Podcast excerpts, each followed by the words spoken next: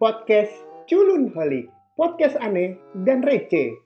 Oke, ketemu lagi bersama gue uh, Culun Holik di podcast yang kedua ini. Gue akan bahas kejadian awal muasal gue bermain internet sampai akhirnya kenalan dengan seseorang di internet. Nah, dengerin terus podcast Culun Holik. Episode 2 Terpaksa Cerita ini terjadi karena gue suka main internet di warnet ya warung internet. Mungkin yang udah dengar episode pertama gue tahu apa itu warung internet ya atau warnet. Uh, walaupun sebenarnya gue udah pernah coba main internet. Tapi pada saat itu gue berpikir ngapain sih main uh, internet? Karena gue rasa itu ngebosenin dan gak asik. Tapi dengan berjalannya waktu uh, akhirnya gue main internet. Nah itu pun gue dipengaruhi oleh temen kuliah gue sebenarnya main internet. Nah, di sini pas saat gue masuk kuliah, gue ketemu nih dengan seseorang atau makhluk ya di kampus gue waktu itu. Uh, orang ini tampangnya tampang Tionghoa, tapi pas gue kenalan sama dia, dia tuh ternyata orang Betawi Tulen. Nah, gue sih biasa nyebutnya itu Mamen yaitu Mamen Suramen. Gue biasanya bukan nama sebenarnya. Tapi gue sering manggilnya Mamen gitu. Men men men gitu. Nah dialah ini yang ngenalin gue dengan uh, internet pada saat itu. Nah setelah gue sering main internet dan diajarin segala hal oleh si Mamen tuh di internet gitu mulai dari chatting mulai dari bikin portfolio dan sebagainya akhirnya gue nyoba main chatting lah waktu itu uh, selain Yahoo Messenger ada yang namanya Live Connector atau LC biasanya uh, yang pernah main sih tahu pasti itu LC. Singkat cerita, gua tuh chattingan dengan seorang cewek gitu ya. Kalau dilihat dari profil fotonya pada saat itu gitu ya, dia tuh imut gitu, cakep gitu. Nah, akhirnya gue chattingan lah tuh sama itu cewek. Seperti biasa ya namanya juga lagi nyari jodoh gitu ya. Jadi tuker-tukeran telepon uh, pada saat itu.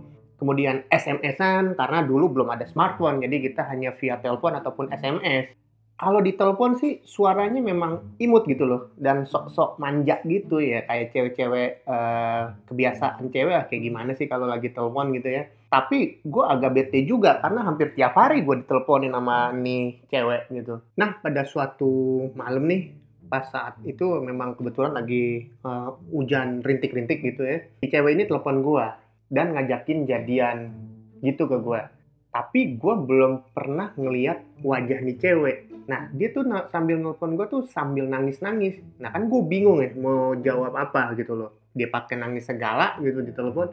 Ya udah akhirnya dengan terpaksa gue terima dia sebagai cewek gue walaupun gue belum pernah lihat wajahnya pada saat itu beberapa hari kemudian akhirnya gue ketemu nih sama nih cewek. Dia ngajakin janjian ketemuan gitu di suatu mall ya kan. Akhirnya gue ketemuan sama ini cewek. Gue kan nggak tahu ya yang mana karena gue belum pernah ngeliat wajahnya dan sebagainya gitu. Karena gue nggak tahu akhirnya gue coba telepon ini cewek. Dan ternyata nyambung nomor teleponnya. Ya udah akhirnya gue cari dia yang mana dan akhirnya ketemu. Dan nggak disangka gitu loh apa yang gue lihat di chatting gitu foto profilnya berbeda jauh dengan apa yang gue lihat pas di mall sosok itu cewek. Ya karena apa? Karena ekspektasi gue udah terlalu jauh gitu loh. Karena dia menampilkan foto yang imut lucu gitu loh di chattingnya itu pada saat itu di profilnya. Tapi pas gue ketemu jauh di bawah ekspektasi gue di sini gue kecewa. Walaupun kecewa tetap aja gue ngajak ngobrol dia, ngajak makan dia, ngajak jalan dia di mall tersebut. Setelah kita puas ngobrol, makan dan jalan gitu, walaupun gue terpaksa ya sebenarnya gue anterin pulang tuh cewek gitu. Gue anterin pulang dia ke rumahnya. Nah keesokan paginya gue SMS dia.